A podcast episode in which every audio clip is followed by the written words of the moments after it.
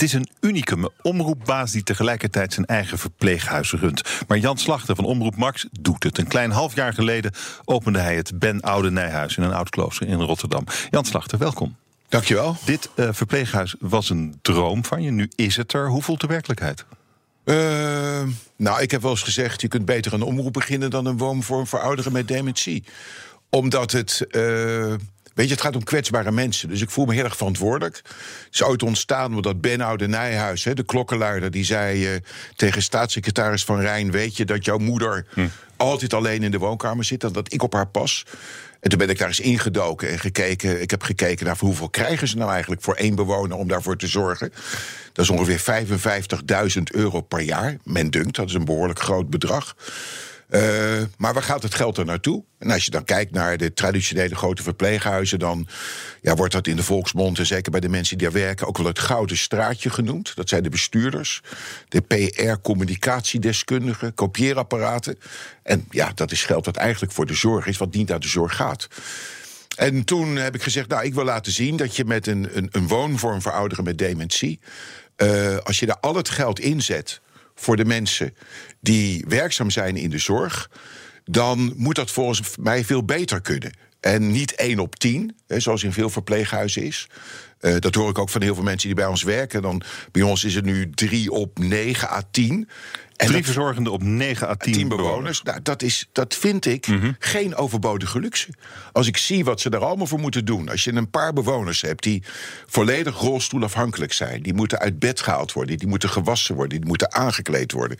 Uh, die moeten geholpen worden met eten. Daar zijn ze soms met z'n twee al anderhalf uur mee bezig.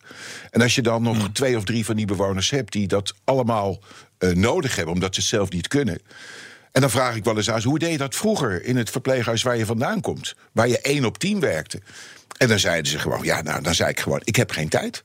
En daar komen die, die vandaan en die, mm -hmm. en die pyjama-dagen, omdat ze gewoon geen tijd hadden. Nou, bij ons is dat uh, dan, dan drie op negen, drie op tien. Soms. Het hangt een beetje af van hoe groot, uh, hoe zwaar de groep is. Hè. We, hebben ook veel bewoners die gewoon zelf meehelpen met het tafeldekken en anderen ook helpen. Uh, dus dat, dat, dat is me wel tegengevallen. In die zin dat ik eigenlijk vind dat er best nog wel één of twee mensen bij zouden moeten. Als je goede zorg wil le leveren en ook echt het welzijn. Als je mij nu vraagt hoe staat het ervoor, dan zeg ik nou die zorg leveren we wel. Uh, maar het welzijn, dat moet echt nog veel beter. En daar heb ik mensen voor nodig, heb ik geld voor nodig. En dat betekent niet alleen maar uh, in, in een groep een krant lezen met elkaar. Maar ingaan op jouw individuele.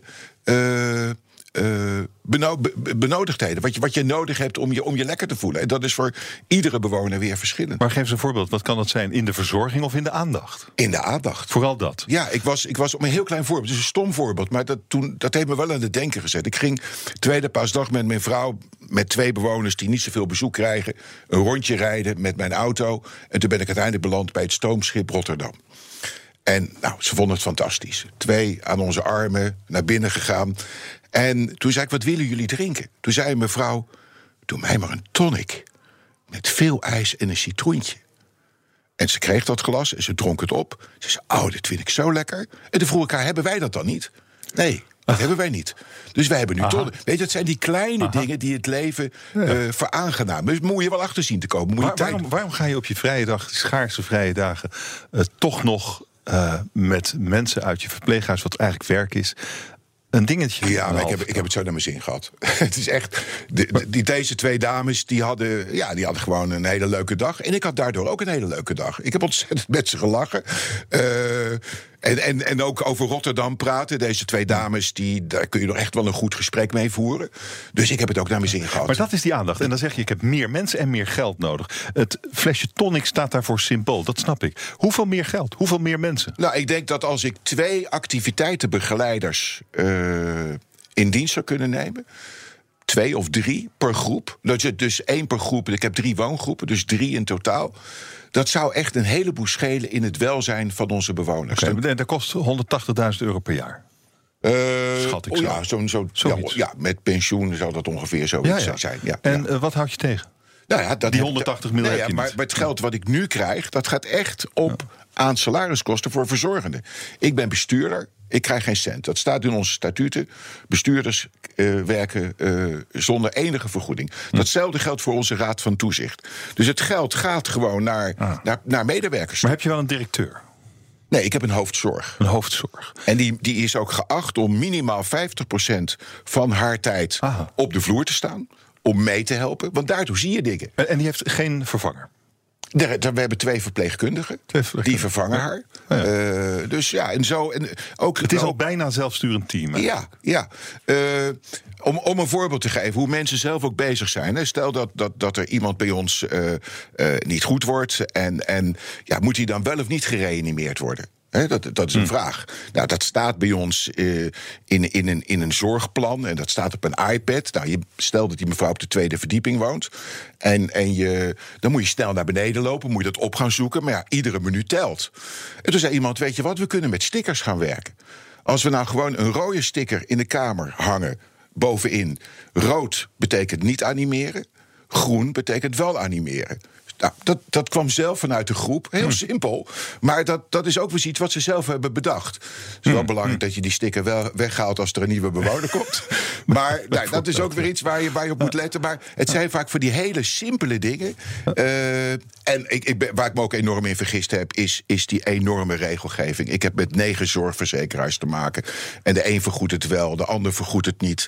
Nou, dat is echt een drama. Als ze daarin. Wie, wie, doet dan dan? Wie doet dat dan? Die, die hele administratie? Nou, daar hebben we een, een, een, we hebben een administratief medewerker. Die, uh, die werkt fulltime bij ons om heel de administratie van onze bewoners, de telefoontjes aan te nemen, et cetera.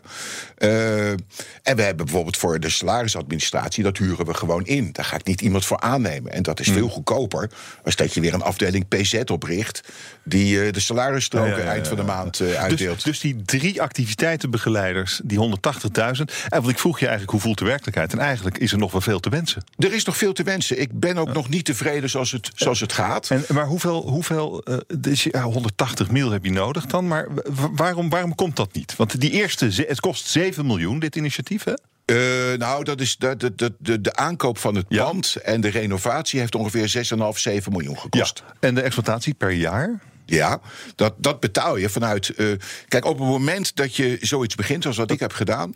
Uh, dat was er nooit gekomen zonder de steun van de leden van Omroep Max. Een gala. Ja, die hebben 2 miljoen betaald. Die hebben 2 miljoen. Dat is inclusief de stichting Max Maakt Mogelijk.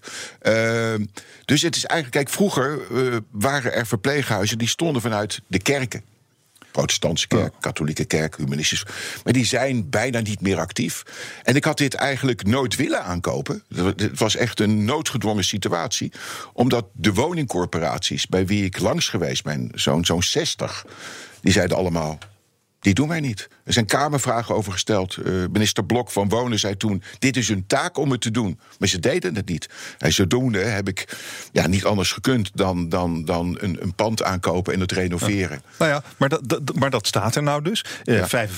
55.000 per bewoner komt er. Zit het vol eigenlijk? Uh, de zware zorg zit vol. Dus dat zijn zo'n 28 plekken. De lichte zorg, daar hebben wij nog plekken voor. Dat zijn mensen die uh, zelfstandig wonen, die wel eventueel een lichte zorg Wat is lichte zorg? Ja, lichte zorg is dat je bijvoorbeeld geholpen wordt met je steunkousen. Dat, dat oh we je helpen met je medicijnen. Maar dat zijn mensen die gewoon uh, zelf koken, boodschappen doen, et cetera. En hoeveel plekken heb je daar dan nog over? Daar heb ik er denk ik nog een stuk of acht à negen over. Oh, dat is ook gek eigenlijk. Nou, Waarom loopt het niet storm? Nou, kijk, de zware zorg loopt storm. Daar heb ik al een wachtlijst. En dat is ook in ah. eerste instantie de opzet geweest. Uh, Mensen met dementie een plek geven in het Benhouden Nijhuis. Omdat het klooster zo groot was, was er ook nog een vleugel. Kijk, ik wilde ook geen, geen verpleeghuis worden met 60 plekken voor ouderen met dementie. Dat, het, het moest een kleine woonvorm zijn met drie woongroepen. Uh, met drie woonkamers waar apart wordt gekookt. Uh, Dus we hebben geen centrale keuken. En die vleugel die eraan vast zat, uh, daarvan hebben we toen gezegd: nou, daar gaan we dan mensen in zetten die lichte zorgvraag hebben, maar die nog wel zelfstandig kunnen wonen. Met die openstaande plekken die we nu nog hebben, daar zijn we mee bezig om te kijken of we daar een plek kunnen creëren voor mensen die uh, uit een ziekenhuis komen, die nog niet zelfstandig thuis kunnen wonen.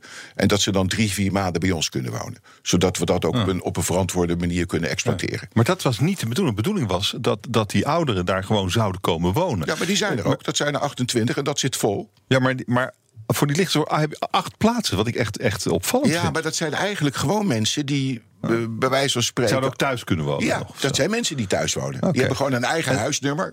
En, en, en eh, kunnen wel een beroep op ons doen als dat nodig is. Eh, en wat we ook wel zien, dat mensen die daar wonen... soms ook eh, in aanmerking komen om door te stromen naar de zware zorg. Oh ja.